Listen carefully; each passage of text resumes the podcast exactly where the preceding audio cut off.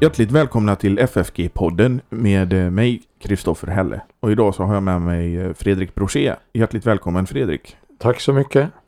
Vi ska prata om synen på synden idag. Ja, Men eh, först vill jag påminna er om att om ni vill ge ett bidrag till den här poddens och församlingsfakultetens arbete gör det gärna på Swish. Numret är 123 100 8457 och så märker man det med FFG Gåva eller FFG Podcast. För annat som händer på församlingsfakulteten besök vår hemsida ffg.se.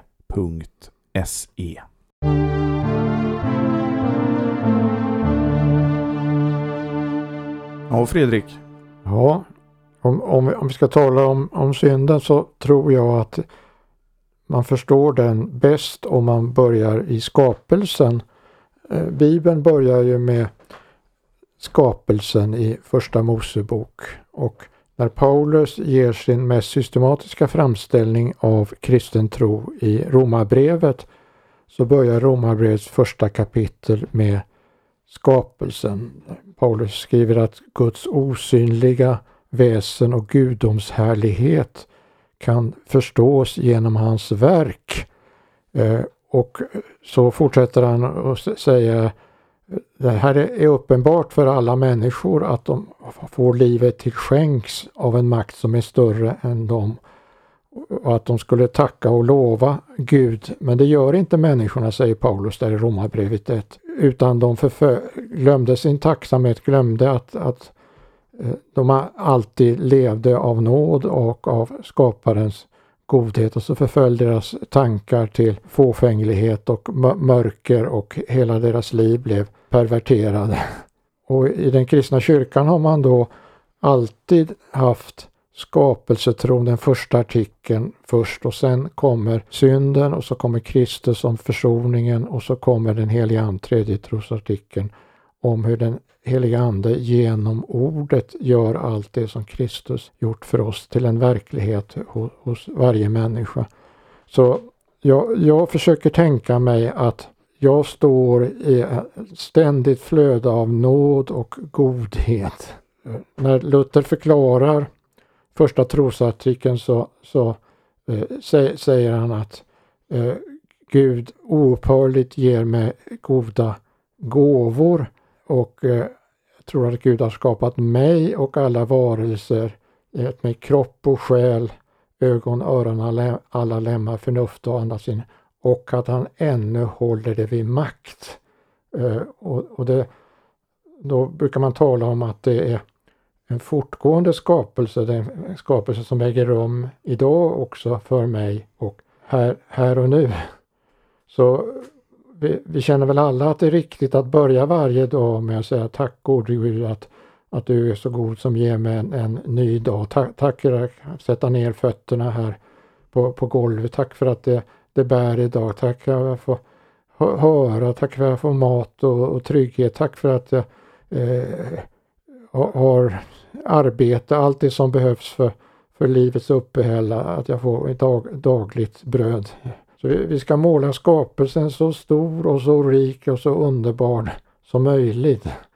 Eh, och verkligen inskärpa detta att var dag en sällsam gåva från, från, från Gud.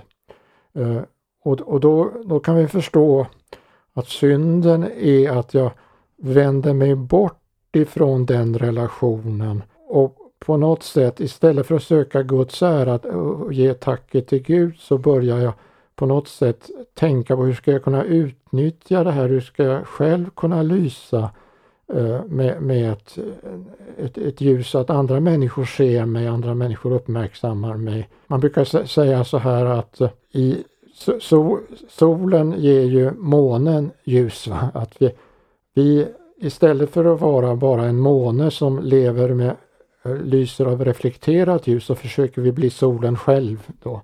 Vi söker vårt eget. Eh, det är någon slags inkrökthet i sig själv som, eh, som, som då är, är otro mot Gud eller brist på överlåtelse, brist på tacksamhet mot, mot Gud som är, med synd, är syndens in, innersta väsen. Då, så om man startar i skapelsen, om man gör den riktigt, stor och mediterar över den så, så blir det ju eh, väldigt tydligt att vi är skapade till Guds avbild att leva ett liv i tro på honom och i kärlek till våra med, medmänniskor. Att ge liksom Guds kärlek eh, vi, vidare i, i den här världen. Men eh, vi, vi har en benägenhet att då sätta oss själva i centrum istället för Gud och söka vårt eget. Eh, då. Det är typiskt för kärleken att enligt första kor 13, den söker inte sitt, va? söker inte sitt eget. Eh, Eh, eh, den, den, den är öppen. Så, så ungefär skulle jag vilja säga att skapelsen är bakgrunden till allt tal om synden. Och det är när man tittar på sig, inåt på sig själv. Det har väl med det som man kan kalla för arvsynd eller ursprungssynd att göra? Ja, de flesta syndabekännelser innehåller ju den här formuleringen att jag har syndat med tankar, ord och gärningar. Gärningarna kan vi nog ändra ganska mycket och bestämma oss för att i det yttre vara mer kärleksfulla. Orden, vi kan skärpa oss, vi kan slu sluta tala illa om andra människor, vi kan sluta och svära, vi kan sluta och komma med Eh, sexuella vitsar och allt möjligt så, och sådär. Men, men när det gäller tankarna så är det svårare för de, de bara kommer. Eh, och, och det, de kan ju komma i det mest heliga sammanhang att någon, någon går fram till nattvarden och så, så råkar se till vänster och där, där har någon fallit på knä eh, och så, så ser vi att den där har några jättefina handskar. Åh, så vackert! Ja, sådana handskar skulle man ha, så mitt i det heliga då så, så känner man någon slags eh, avundsjuka mot, mot det här. Och då, då känner vi ju att om jag vore riktigt kristen skulle jag aldrig tänka så överhuvudtaget. Och där, därför så blev ju synden i tankar någonting som blev ett jättestort problem för Luther. Jag skulle också vilja inflika att, att vi, vi är skapade till det Guds avbild, vi är skapade till att leva, leva liv i, i tacksamhet tro på Gud eh, och i kärlek till medmänniskan, eh, själv, självutgivande liv. Och det är att, att vi skapar till Guds avbild, det är vår bestämmelse. Eh, och därför så är ju ett huvudord både i Gamla och Nya Testamentet för synd att vi missar det här målet, att vi inte siktar på den här bestämmelsen att vi ska vara Guds avbild, eh, avbilda Guds självutgivande kärlek. Eh, och ett annat, ett annat ord är att vi är krokiga, avon heter det. Och, och om man är kro, krokig då når man inte målet heller. Eh, och så finns det ett, ett tredje ord som på hebreiska det heter persa och det betyder helt enkelt uppror och det, det beskriver att man vänder Gud ryggen. Eh, att, eh, Gud får inte vara Gud i, i mitt liv utan det är jag som styr, styr och ställer och bestämmer och vad Gud säger i sitt ord det, det, det bryr jag mig inte om utan mina behov och att, att jag, jag ska bli sedd, jag ska bli eh, uppskattad, eh, jag ska stå i centrum. Så istället för den här teocentriska hållningen, trons hållning, tacksamhetens hållning så får vi någon slags eh, egocentrisk eller teocentrisk in, inställning. Eh, och det är därför man i en huvudtradition i i kristen tro som fin, finns hos Augustinus redan säger att synden är att man är inkrökt i sig själv, att människan är incurvatus in se, in, inkurvad i, i sig själv då.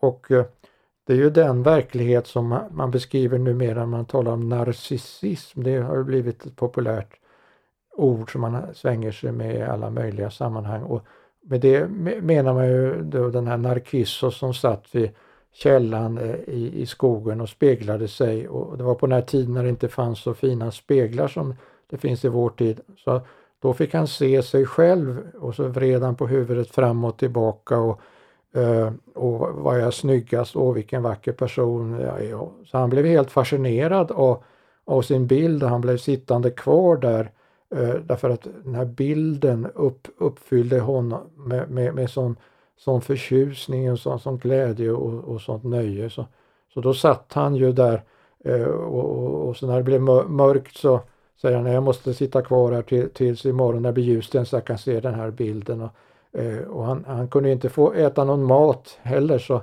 så efter ett antal dagar så sjönk Narkissos ihop där vid källan och så eh, dog han där vid källan och så på hans plats så växte det upp en blomma som vi idag kallar för pingstlilja och den heter Narcissus poeticus. Alltså hela det här släktet narcisser, blomstersläktet narcisser kommer kom av detta.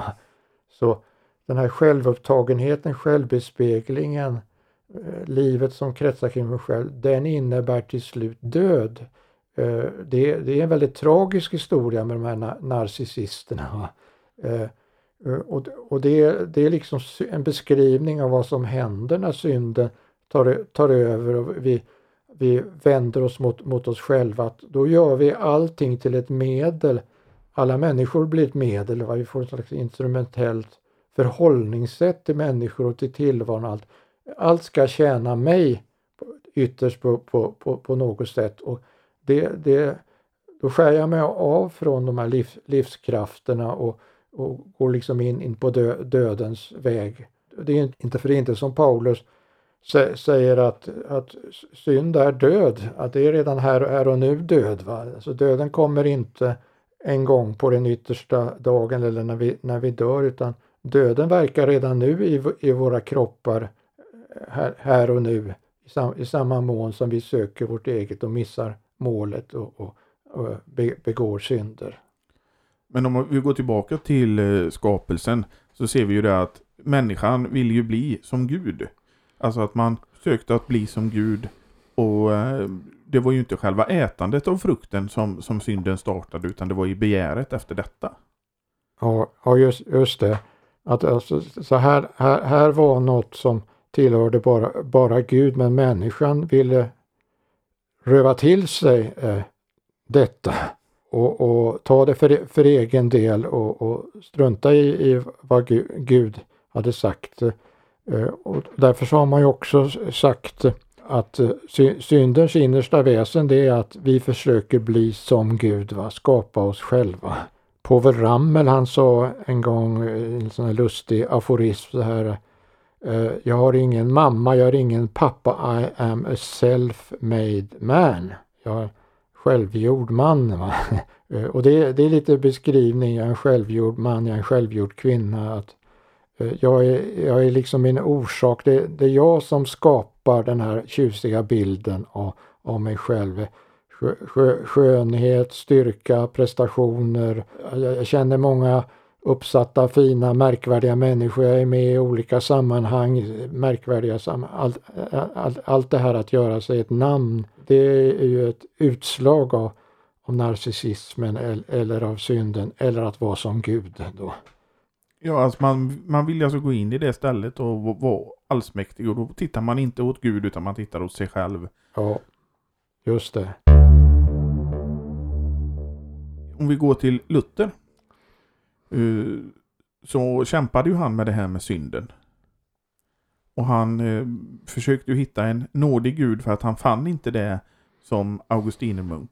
Nej, det, då, då när Luther gick in i klostret så sa, berättade han ju senare att han i början hade en väldigt lycklig tid och han tyckte det var skönt att få ordning på sitt liv och han hade regelbundna andakter, han gick regelbundet till bikt och fick förlåtelse. och Han gick till mässan varje, varje morgon och så vidare. Och, och det var en fin tid. Men sen eh, efter eh, några år så märkte han att det kom tillbaka synder. Eh, eh, han kunde säga saker och ting till de andra bröderna eh, och framförallt så kunde han tänka saker och ting. Eh, han, han, kunde tala om sin avundsjuka mot andra bröder, han kunde tala om irritation mot, mot, mot an, andra. Eh, han kan tala om sexuella tankar som, som kom för, för, för honom. Eh, I, i eh, Stora Galaterbrevskommentaren så berättar han på ett ställe om en munk som hade såna här tankar och så tänkte den här munken i, i Luthers berättelse att jag ska bosätta mig ute ut i öknen där jag, där jag är alldeles ensam. Då har jag ingen jag kan bli avundsjuk på eller jämföra sig med. Så flyttade han ut i öknen och var alldeles ensam. Men då såg han att de här onda tankarna de kom ännu mer när han var ensam då. Så det var ingen, ingen eh, räddning för, för, för honom då. Och då, och då då hamnade Luther i väldigt bryderi där i klostret för den gängse läran då som han hade ärvt från, från den, den augustinska eh, teologi som, som han var fostrad i där, det var att bara den onda tanken som kommer är inte en synd men det blir en synd om man håller kvar den, om man när den, om man liksom börjar njuta av den, gotta sig i den där, då är det en synd. Va? Så om man kan, så fort den där tanken kommer, avvisa den och, och, och, säga att eh, jag vill inte tänka på det, jag vill tänka på något annat. Slå bort den där, distrahera sig med, med, med någonting. Men då eh, tyckte Luther som var en väldigt samvetsgrann person att det här, att bara tanken kommer visar ju att jag har något djupare, någon, någon, någon, någon rot i mig som tycker om och, och, och tänka som skjuter upp här. Och så här ska en kristen egentligen inte tänka. Eh, utan vi ska vara fyllda av kärlek, glädje, frid och förmedla detta och det är det som ska prägla både tankar, ord eh, och, och gärningar. Så så, så för, för, Luther var det inte någon tröst och ingen hjälp med de här själavårdande råd, råden att det, det är ingen synd.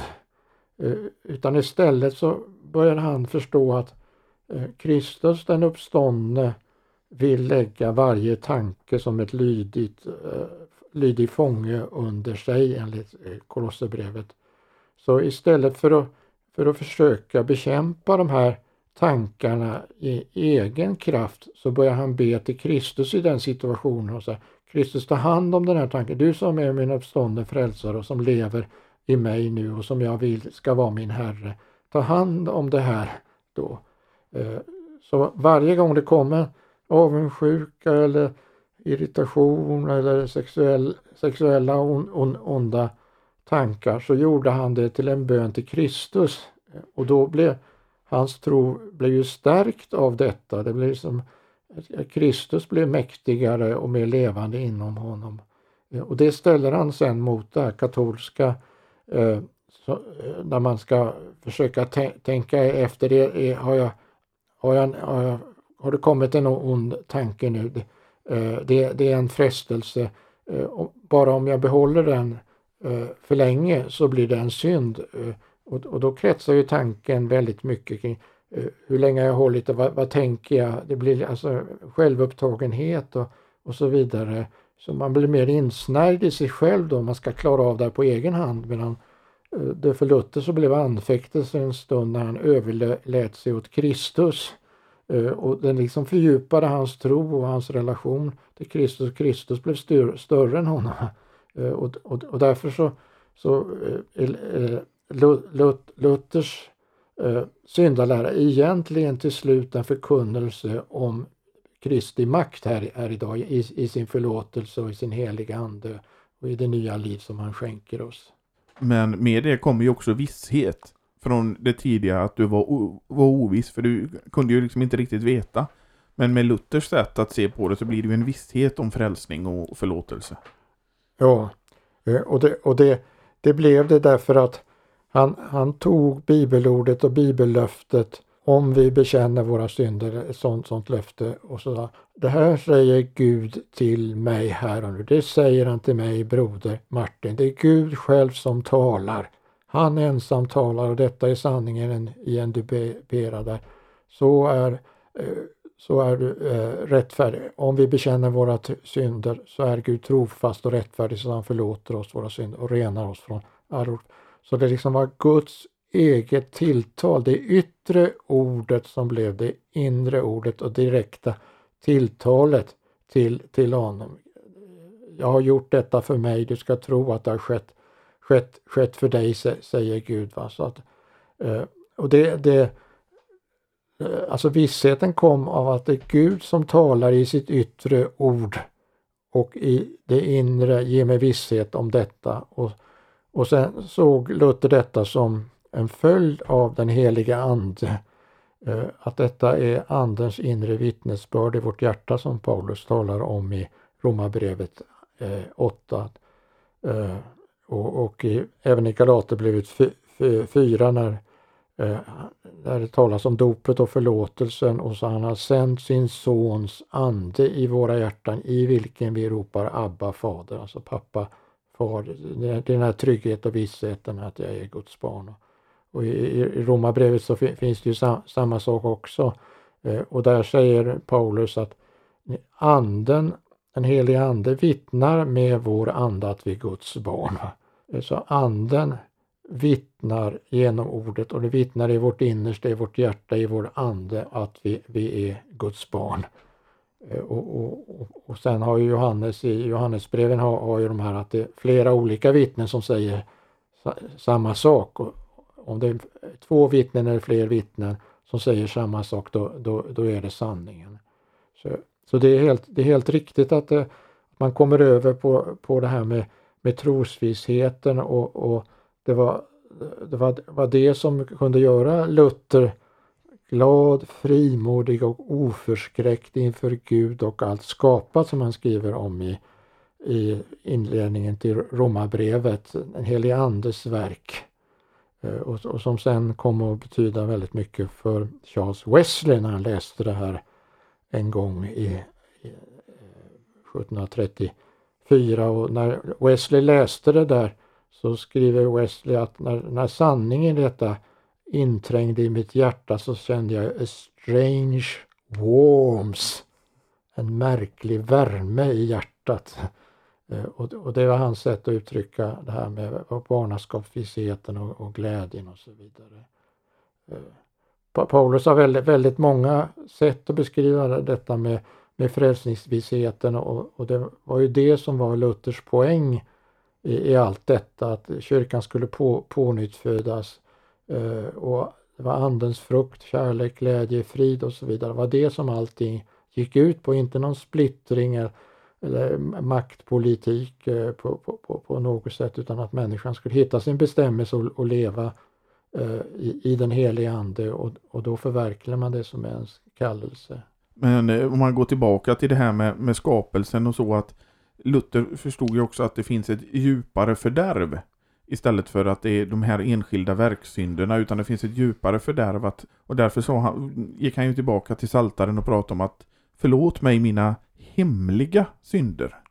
Ja, just det. Och det har man tagit fasta på eh, också. Det, det, finns i bekännelseskrifterna det här eh, citatet från Saltaren eh, 19 och eh, det, eh, det, vet vi ju alla att vi, eh, det kan vara synder som vi inte ens är medvetna om att vi begår. Och det kan vara synder som vi är medvetna om men vi glömmer. Och då, och då blir, det, blir det ju hemliga synder.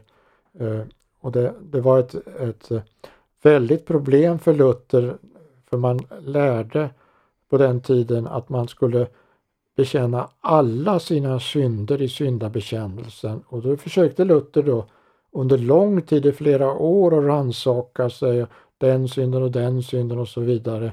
Eh, och så kunde han eh, nämna de här i sin syndabekännelse inför sin, sin biktfar.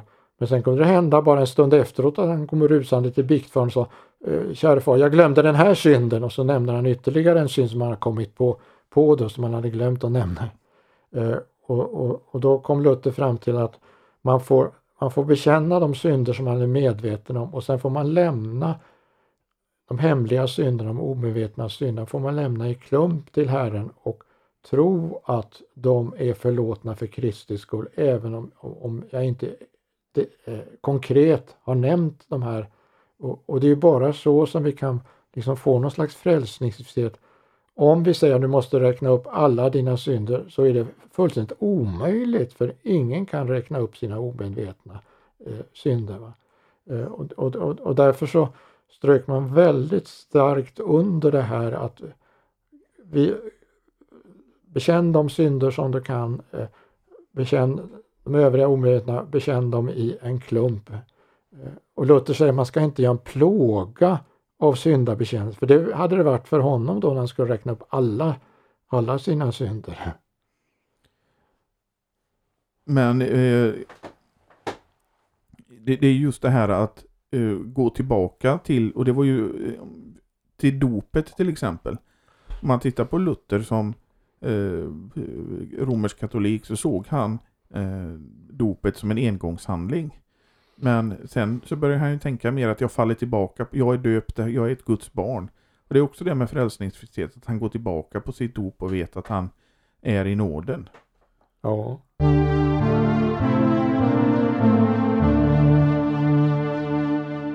Men istället för att, och, eh, äh, ångra alla sina synder och äh, det gör man ju men att bekänna alla dem och räkna upp dem äh, så det går ju tillbaka till att man alltid har det här syndafördärvet, arvsynden och att man är simul justus et peccator.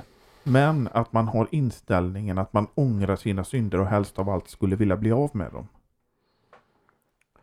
Ja, alltså ett, ett det allra mest övergripande begreppet för synd i, i Luthers teologi det är otro. Eh, och detta är då den här hållningen där jag upptäcker att det är inkrökt i mig själv, det är ekocentriska, narcissistiska om, om, om vi vill. så. så. I eh, Augsburgska bekännelsens andra artikel så skriver Melanchthon där att eh, om arvsynden så lär vi att människan är född utan fruktan för Gud, utan förtröstan på Gud och med en ond begärelse. Och ond begärelse är översättning av latinska ordet concupiscentia. Och det är eh, det ord som Paulus använder i den, i den latinska översättningen i, i Rom, Romarbrevet 7, alltså be, ond begärelse. Så, eh, så det, det, det är tre led där som är är väldigt viktiga som Melanchthon verkligen har mediterat över och här, här har han ju lärt sig väldigt mycket alltså. Utan fruktan för Gud, utan förtröstan på Gud och med en ond begärelse. Eh, vi skulle frukta och älska Gud, men vi är utan fruktan. Eh, eh utan förtröstan på Gud, vi skulle lita på honom och så vidare. Eh, och sen det konkreta, det psykologiska eller det som vi blir varse inom oss själva eh, i, i tankar, ord och gärningar. Det är ju det här ond begärelse, konkupiscens, att, att vi söker, söker vårt eget. Vi, vi, vi vill eh, bli, bli sedda, eh, beundrade för att vackra, duktiga, Eh, Eh, att, att vi umgås med, känner många kändisar och all, all, alla, alla möjliga de här sakerna. Vi tar skapade medel eller skapelsens medel och med dem försöker hävda oss och skapa oss ett värde istället för att ta emot det, det värde vi har från, från Gud. Så, så de, de där tre eh, sidorna är ju vä, väl, väldigt eh, viktiga och de säger väldigt mycket om, om eh, tro, eh, synden som otro, alltså utan fruktan för Gud, utan förtröstan på Gud med, med en ond begärelse. Så det, det, man kan fundera mycket på, man lär sig mycket om vad synd är genom de orden ska jag säga. Om vi tittar lite på eh, hur andra traditioner, andra kristna inriktningar förutom det lutherska ser på det här med synd. Så vet jag att du har sagt att det är lättare för en som är pingstvän att bli romersk katolik än att bli lutheran och att det är synen på synden som är den avgörande punkten där.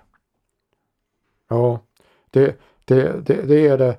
Uh, och, och uh, uh, man kan säga att det är, en, det är en ganska bred ska säga, svärmisk frikyrklig tradition när de här onda tankarna har tonats ner.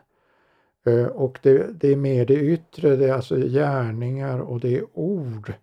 Eh, och, och om man till exempel, som skett i vissa sammanhang, man har en syndkatalog att det, det, det, det, det, är synd, synd att svära, det är synd att dricka sprit, det, det, är, synd, eh, det är synd att läsa porrtidningar. Och, ja, sådana här, det är yttre grejer. Det finns en syndkatalog och det har funnits väldigt lång tid och det finns kanske på många ställen for, fortfarande eh, detta och då, och då, kan man beta av och säga ja men jag har inte gjort det, jag har inte gjort det och jag har inte gjort det. Ja men då är jag tämligen rättfärdig. eh, och jag har inte talat illa, illa om, om någon och så vidare. Och man, man stannar vid, vid gärningar och ord. Va? Så, så då, då kommer man allt, alltid fram, man kan bocka av i syndkatalogen, ja men jag har inte begått de här och då, då, då, är, inte, då är inte så farligt med mig hela, det hela. Så, så, så det här själv, det här narcissistiska jaget rasar ju inte ihop då på något sätt utan eh, det kan sitta i orubbat bo. Eh, man hade ela, lite elakt eh, uttryckssätt om detta. Man sa en halv lag och en halvt evangelium så får man en hel farisé. Det är väldigt tillspetsat och polemiskt men det ligger någonting i det att man tar, tar lagen lite lagom och så blir det lite lagom evangelium och då, då tvingas människan inte in i, i den här eh, förkrosselsen längre. Jag tänker på det här just med alkohol är ju ett exempel. Det är ju att man eh, skapar en synd som egentligen inte är synd. Ja. Och det, och det Jesus var ju inte absolutist och man har ju inte varit det i kyrkans historia på, på något ställe. Men, men sen kan man ju förstå då på 1800-talet i Sverige när svenskarna höll på att supa ihjäl sig att Peter Wieselgren kom där och andra präster kom och predikade mot hembränneriet och alkoholismen och, och så. I den situationen så var det ju riktigt att betona att ni eh, att eh, bättre att vara absolutist än, än att dricka. Så det, i vissa situationer håller jag helt, helt med, med om detta och det, var väl eh, inte minst kyrkans förkunnelse som bidrog till att det här förskräckliga supandet för, försvann. Och, I spåren på alkoholen så är det så jättemycket tragedier av det, det ena, ena och det andra slaget. Men, men sen att, att sätta upp det på en syndkatalog, eh, då, då blir det ju fel. va eh, man har i, i kristen tradition gjort en, en eh, skillnad med, mellan det här att man njuter något och att man brukar något. Det är, eh, så vi, vi, kan använda alkohol men vi ska inte njuta och vi ska inte fasta, fastna i det och, så att, att det får ta över och bli liksom en, en, en makt eh, i, i, i det här. Och det, det gäller ju all, alla slags missbruk det här. Det, det gäller inte bara alkohol och, och droger och sånt utan det, det gäller ju också eh, köp, eh, köplust, konsumtionslust, eh, det gäller arbetsnarkomani, eh, eh, väldigt många saker som vi här, här i, i tillvaron kan, kan hänga upp oss på och liksom bli besatta av eller bli avgudar för oss och de blir viktigare än, än, vad, än vad Kristus är, är för oss. Så det, det, jag skulle säga det här med spriten och, konkretiseringen, det får man ta från situation till situation.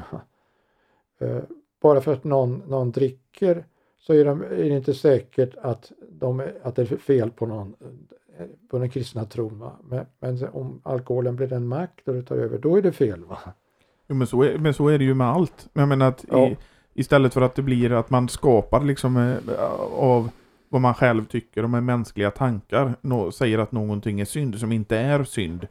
Det, det, kan ju även gälla andra saker, att man tänker att ja, men det här är nog fel, men så är det inte det för att man tänker att det, det borde vara fel. Ja. ja, ja, just det. Och det kan vara vissa sexuella saker eller annat också som, eh, som är så att alla sexuella tankar är fel till exempel. Och sånt där. Ja, ja vi, vi, visst.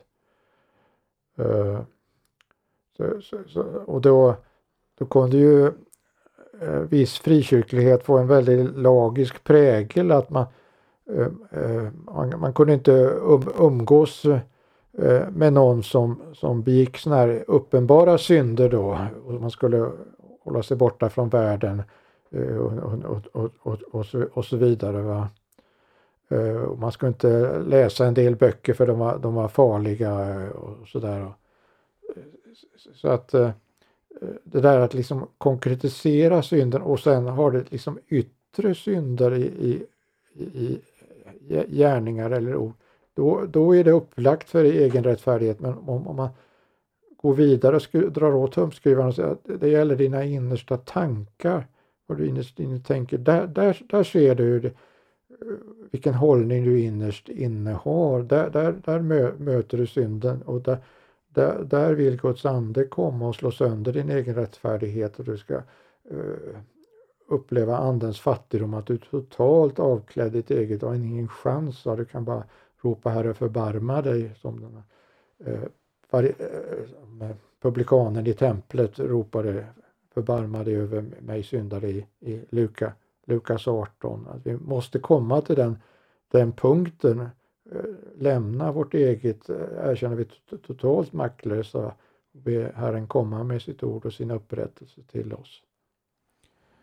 Men det, är också så här att varje generation har ju sina eh, käpphästar som de anser vara synder. Jag tänker till exempel på en äldre generation med kortspel var ju till exempel någonting jag kommer ihåg att mormor får inte titta att vi spelar, får inte spela kort med mormor här eller eh, vissa av dem har bio till exempel.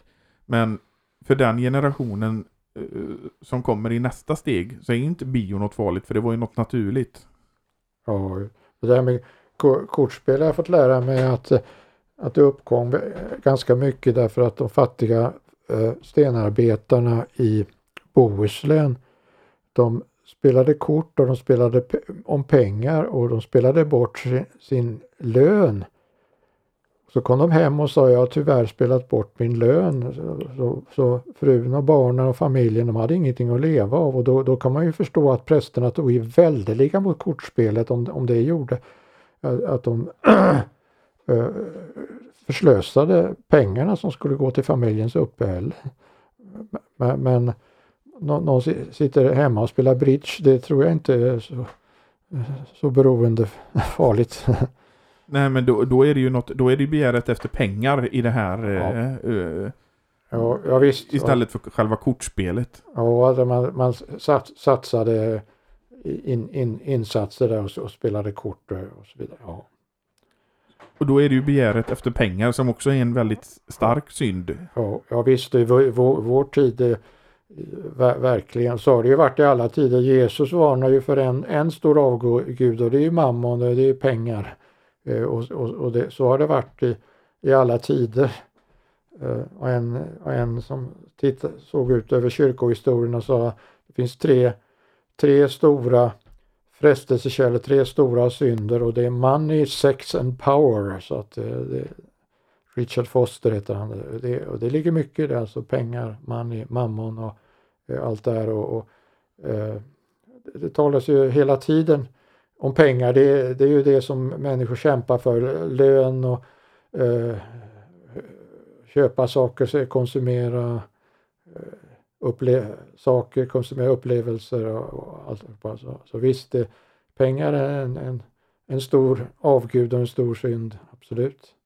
Det, det gäller ju att man det här med bru, bruka men, men inte göra det till en avgud. Alltså, kristna hållningen är ju förvaltarskap. Det jag har det ska använda till, till eh, mina medmänniskors nytta och till, till Guds ära. Eh, så jag ska förvalta min, min tid och mina talanger och, och mina pengar. Det, det är något som Gud Gud ville att jag ska sköta på ett rätt sätt och, och sköta eh, på ett ansvarigt sätt som en förvaltare. Då. Men jag tycker att man kan dra det här till första budet för att eh, om man tittar på en människas inställning så är det att vem litar man mest på?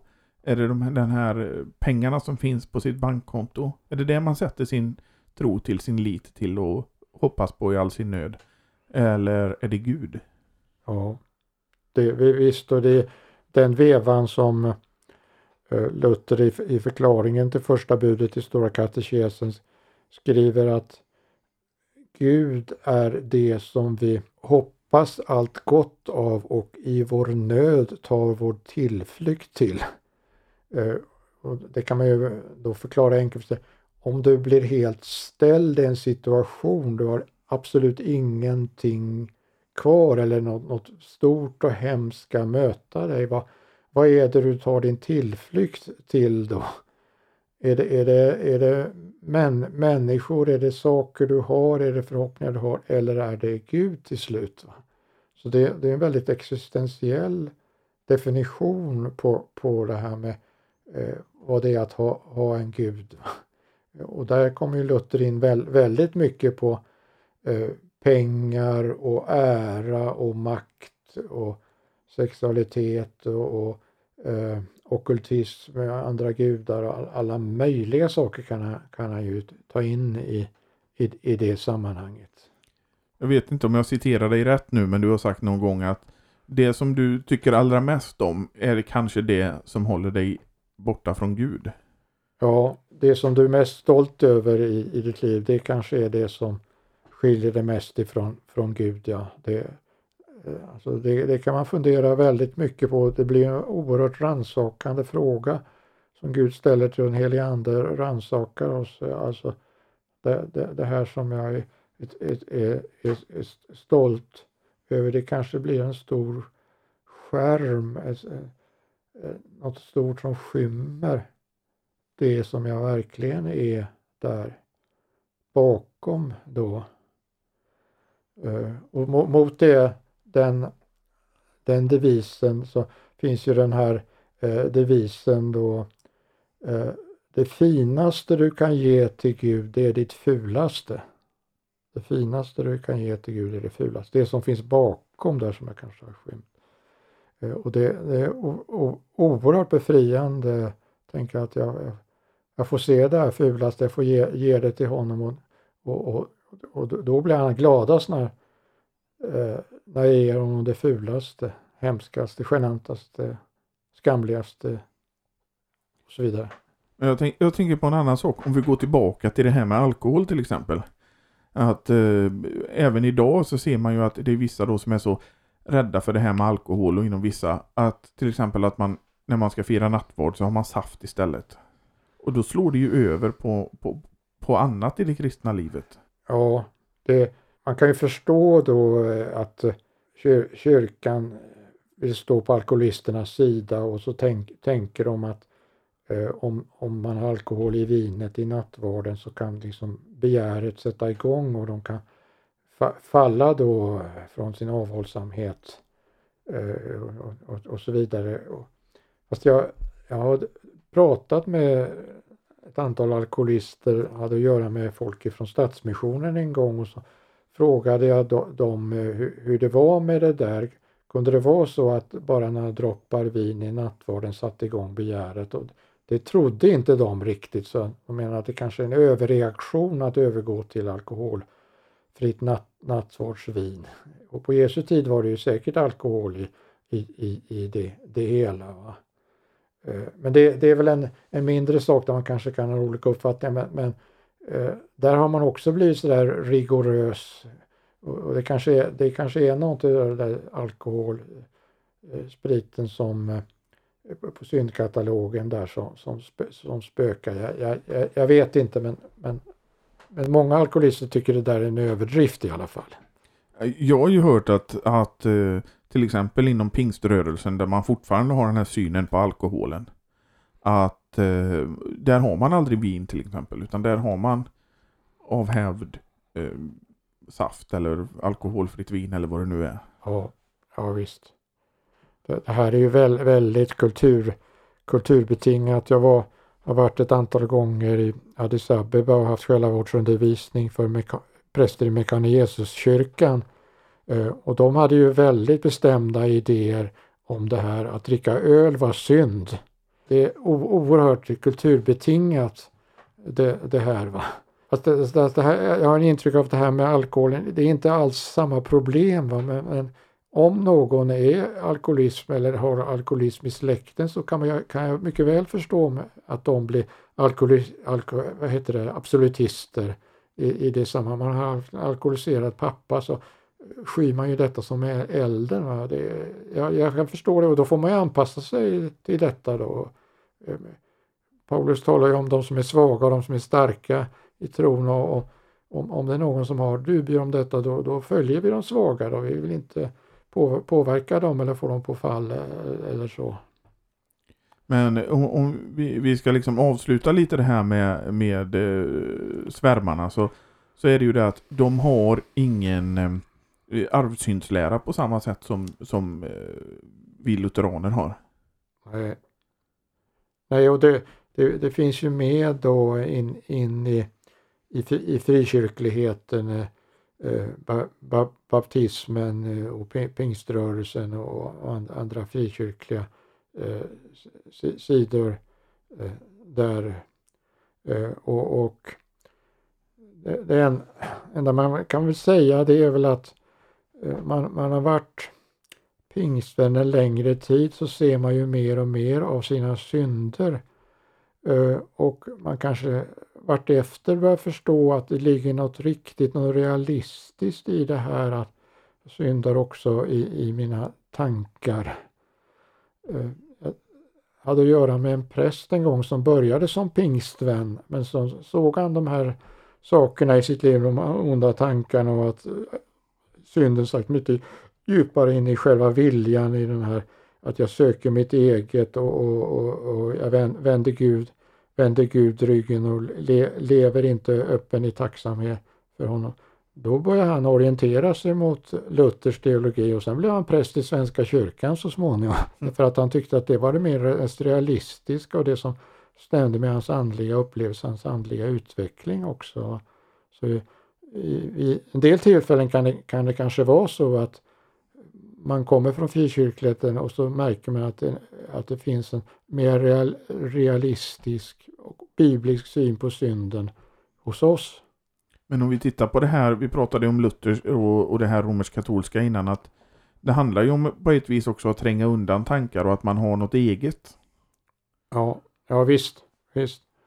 Och det, och det är en väldigt styrka att kunna vara totalt öppen inför Gud och säga nu, nu kommer de här nu kommer de här avundsjuka tankarna, nu kommer de här aggressiva eh, tankarna, ta, ta, hand om dem, Kristus, du som har besegrat dem, lägg dem som en, en, en, en det, det är en väldigt, väldigt styrka att kunna, kunna överlåta de här sakerna än säga usch, nu kommer de här, här sakerna, nu ska jag inte tänka på dem, för då tränger man ju just bort de här sakerna som, eh, eh, som man känner. Va? Och det lär vi oss av Freud och psykodynamiska psykologin att det man tränger bort det försvinner inte utan det tar sig bara andra vägar.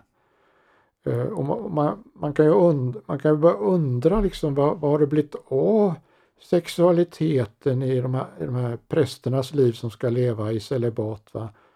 Eh, jag tror att, att det finns en gåva att leva avhållsamt och jag tror att, att sådana människor kan leva rent men väldigt många har inte den, den gåvan att leva avhållsamt. Eh, och man blir tvungen att leva i, i celibat, vad tar sexualiteten vägen då? Va? Och man kan undra alla de här problemen med pedofili, pedif, pedifol, vad heter det? Pedofili. Pedofili heter det ja. Eh, och eh, det här med katolska präster som har älskarinnor och hushållerskor som, som har ett eh, tveksamt förhållande. Alltså hela, hela den saken eh, att det liksom blir så gigantiskt problem i, på så många ställen. Miljontals eh, kristna säger att de har blivit utnyttjade av präster, ordensfolk. Alltså det, det är något tragiskt, det är något, något som är konstigt i det. Eh, och man önskar ju att, att de katolska prästerna skulle få gifta sig. Och det här celibatet det var ju inte något för, som infördes under 1200-talet utan Eh, tidigare så fick ju prästerna gifta sig och grekisk-ortodoxa kyrkan, där får prästerna gifta sig. Så det naturliga och det vanligaste är ju att, att, eh, att gifta sig eh, och, och sexualiteten eh, kanaliseras in, inom den, den ramen. Så, så man kan fundera väldigt mycket, mycket på det här, det här alltså om synduppfattningen gör att man tränger bort det och sen har man ingen koll på det så pluppar det upp i alla möjliga eh, problematiska eh, ord och handlingar då, pedofili och eh, utomäktenskapliga historier. Så eh, visst kan lutherska präster, de, de hoppar, hoppar, också över skacklarna, visst det, men, men det här vi ser inom den katolska kyrkan, det, det, är något mycket större och mycket djupare. Alltså det, det, det är väldigt tråkigt jag, jag, jag, skulle vilja måla upp en bild. Och det är om du tänker dig att eh, det har kommit mycket snö. Och så ska man få bort den här snön. Man ska tränga undan den här snön och så gör man ett stort snöberg. Men till slut eh, så kan du inte bygga på mer utan då börjar du trilla av, trilla över. Och det är väl så också när man, eh, som du säger, det tar andra, andra uttryck och att det går inte att tränga undan hur mycket som helst. Nej. det, vi, vi, vi, visst eh, finns det eh, ogifta katoliker som kan, kan leva i celibat och det, det finns verkligen någonting som heter sublimering för, för att tala med, med, med Freud här. Men det finns också ganska många som har problem med, med, med detta. Eh, och jag kan ju lys, lyssna till, till präster som har varit präster i katolska kyrkan eller ordensbröder i katolska kyrkan och som sen har gift sig. Eh, vad de säger om, om, om, om detta. Jag har en professor som heter Werner Jean Ron som var katolik och som gifte sig och, och blev eh, han fick ju lämna prästämbetet men han är väl fortfarande katolik tror jag. Men han kan vittna vilken oerhörd befrielse och glädje det var att få gifta sig och tillsammans med sin fru och få barn och familj. Eh, det fanns en, en bibelteolog i Lund som hette René Kiefer. Han var också ordensbroder och, och, och, och levde i celibat och så vidare. Han, han har också berättat om hur, hur oerhört mycket det betyder att träffa sin fru och de gifte sig med varandra och de, de fick barn och hur det berikade livet och hur han liksom hit, hittade sig själv då på, på något sätt. Va? Så hela, hela Luthers kamp för att lyfta fram äktenskapet som något naturligt och stort och fint visar sig i praktiken eh, vara något som väldigt många katoliker längtar efter. Va? Ja, Luther tillskrev ju sitt äktenskap väldigt mycket. Ja, vi, vi, vi, visst, och han, han gläd, gläder sig över detta och, och, och då, då blev det den här, det här med sexualiteten, det blev liksom kanaliserat på, på, på ett sätt som eh, det var inte det här stora problemet längre utan det var en glädje och välsignelse berikade hans, han, hans liv och Kätis liv och, och, och, barnen var Guds välsignelse. Och, så han, han kunde ju eh, verkligen prisa Gud för, för äktenskapet och föreningen mellan man och kvinna. Så han, han kom verkligen med något nytt i en tid när det fanns liksom kroppsförakt och eh, sexualitetsförakt. Eh, alltså en mer grekisk eh, sy, syn på det, på det kroppsliga än en kristen syn. I, i, i Bibeln så eh, finns det ju en glädje över sexualiteten och patriarkerna eh, Isak och Jakob, det står att de kände sin fru då och det betyder ju känna i, i, i social och, och kroppslig bemärkelse, alltså in, in, inti, in, det intima um, umgänget. Det, eh, och, och, det står ju om en av patriarkerna återfick sin glädje när han, han kände fick känna sin fru och kom in där och så vidare. Så tröst och glädje och uppmuntran och välsignelse genom det sexuella. Så. Ja, det, det där är ett stort kapitel. Men jag tänkte, du talar om Freud och så, och där, där finns det ju då de i hans efterföljare, jag tänker på han William Reich till exempel, att där släpper man det här sexuella och det här släpper loss alla tankar så det inte finns några hämningar till slut. Ja, ja, ja visst, där, där, där har det ju gått till ex, extrem och, och, och så. Men det är intressant att Freud var, var jude och stod i den traditionen och kände till det här med Gamla Testamentet. Och, och de, blev, de blev ju upprörda då när Freud framträdde på 1880-talet, 1890-talet och han sa att sexualiteten finns med mycket mer än ni tror. Ni har trängt bort den väldigt, väldigt mycket, sa han. Då blev de arga på honom för han trampade dem på några ömma tår där och så vidare. Men, men för, för stora hela har nog ändå Freud fått rätt i detta att sexualitet och aggressivitet är två stora krafter i våra liv och det är alltid nyttigt för oss både som människor och kristna att fråga vad har jag gjort av min sexualitet? Vad har jag gjort av min aggressivitet? Jag kanske inte visar det öppet men det kanske finns på andra sätt som är mycket mer destruktiva. Eh, och det skulle väl vara en väldig styrka om vi mer oförblommerat kunde säga ja det här finns i mig, sexuella, aggressiva, avundsjuka, allt, allt det, det finns i mig men men Kristus har lidit och dött för, det, för mig och när de här tankarna kommer så då ber jag att han kommer och tar hand om de här och besegrar dem i, i, i mitt samvete och i mitt liv. Men det är ju ofta inom kristendomen och teologin så, så kan man ju ofta i, bara ignorera till exempel sådana som Freud. Man, men istället så kan man ju förhålla sig till det. Det, det måste man ju göra tycker jag. Ja visst, jo man kan man brukar säga att äh, Freud är en slags väg, vägröjare, en slags Johannes döparen som skrapar, skrapar fram det här eh, och visar att det finns liksom allt som har över, övertäckts eh, där han tar bort alla kamouflage och så vidare. Så här, där finns i människan. Eh, så på det sättet kan ju Freud hjälpa oss till, till faktiskt en djupare syndakännedom. Men, men sen vet han ju in, ingenting om evangeliet och den heliga ande och det nya livet i Kristus och på nyttfödet och så vidare. Där kan vi inte följa honom. Nej, men, men ändå att man förhåller sig till honom istället för att bara ignorera det här. Ja, visst, han har sett några sanningar om människan och det, det hjälper oss till att fördjupa vår förståelse av vad synden är idag. Jag tänker på en annan sak när vi pratar om det här med synden. Och det är ju det här att de här som inte känner att de är tillräckligt. Som inte får den här andens fattigdom upplevelsen att jag har ingenting men Kristus har allt. Och känner att de inte räcker till. Och de försöker göra goda gärningar. De försöker tränga bort tankar. Eh, inte tänka på det. Men det måste ju bli någonting som blir dem övermäktigt till slut. Att försöka kämpa emot det här fördärvet. Ja, det, och har ju alltid svaret på den frågan i den kristna själavården eh, varit alltså eh, följ, följ, följ Kristus, gå, gå med honom, ly, lyssna, lyssna på honom, se, se, se, se hur han beter sig och vad han säger och att han lider och, och dör för dig. Och ju mer du lever i detta desto mer kommer synden eh, vad som är din synd, det kommer att klarna. Vi håller ju alla, alla på med det här dagliga omvändelse och bekänna våra synder. Vi ser, ser djupare och djupare av, av, av synden.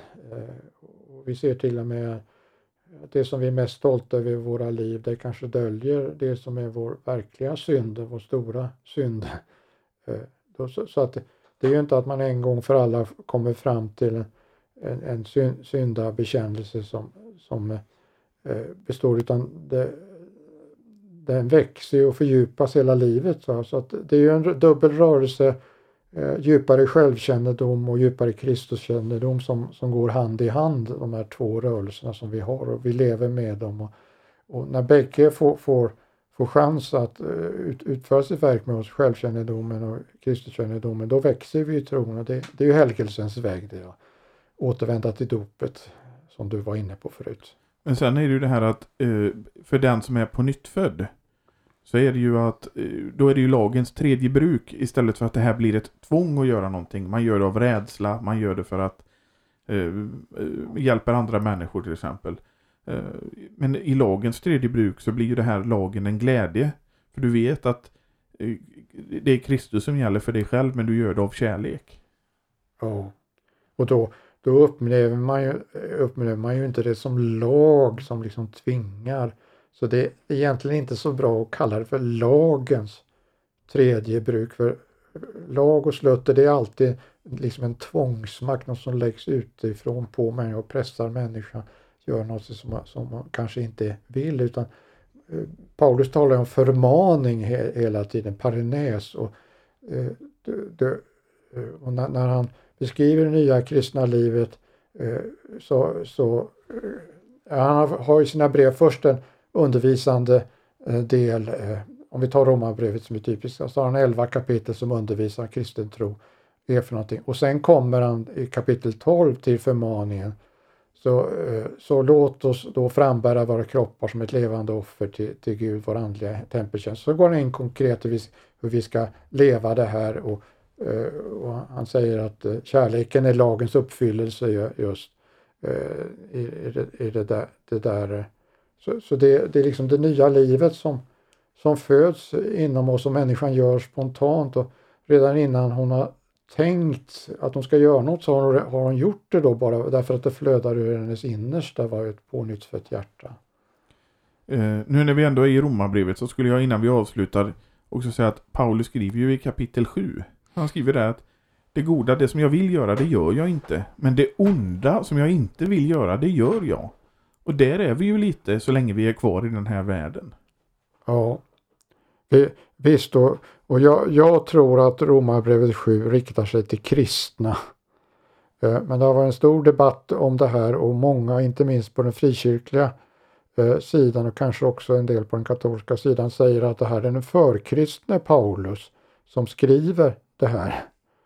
Men eh, i, i de här kapitlen som är runt Romarbrevet, både Romarbrevet 6 och Romarbrevet 8, så är det kristne Paulus som talar. I, i Romarbrevet 6 talar han om dopet och i, i Romarbrevet 8 så talar han om livet i, i den heliga. Så, så det har gjort att många ändå har stannat för att det, det är den kristna människan, eh, Eh, det är Paulus som, som talar här i, i, i Romarbrevet 7. Eh, och att det, det är så att säga en normal upplevelse, det det goda jag vill, det gör jag inte, men onda jag vill, som, det, det gör jag. Det, det, eh, det här med lagens andliga bruk, att det avslöjas synderna i tankar och ord. Men sen kommer ju evangeliet, men Gud var det tack som ger mig segern. Så, så för Luther var ju Romarbrevet 7 en, kort, ett kort kompendium på vad det är att leva som, som, som kristen. Och, och alla, alla, kristna har ju någon slags upplevelse av den här dubbelheten och man får leva med, med, med det här. Eh, I första Korintierbrevet i andra Korinthierbrevet så säger ju Paulus att vi såsom bedrövade dock alltid glada. Såsom bedrövade över att vi tänker de här tankarna och vi fortsätter. Men dock alltid glada för att vi står på segersidan genom Kristus.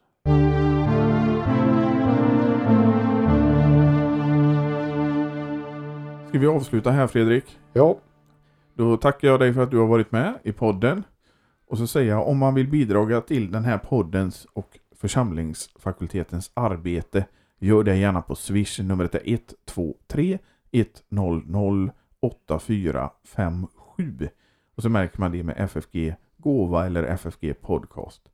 För annat som händer här på församlingsfakulteten besök vår hemsida ffg.se. Och vi hörs igen nästa vecka. Hej då!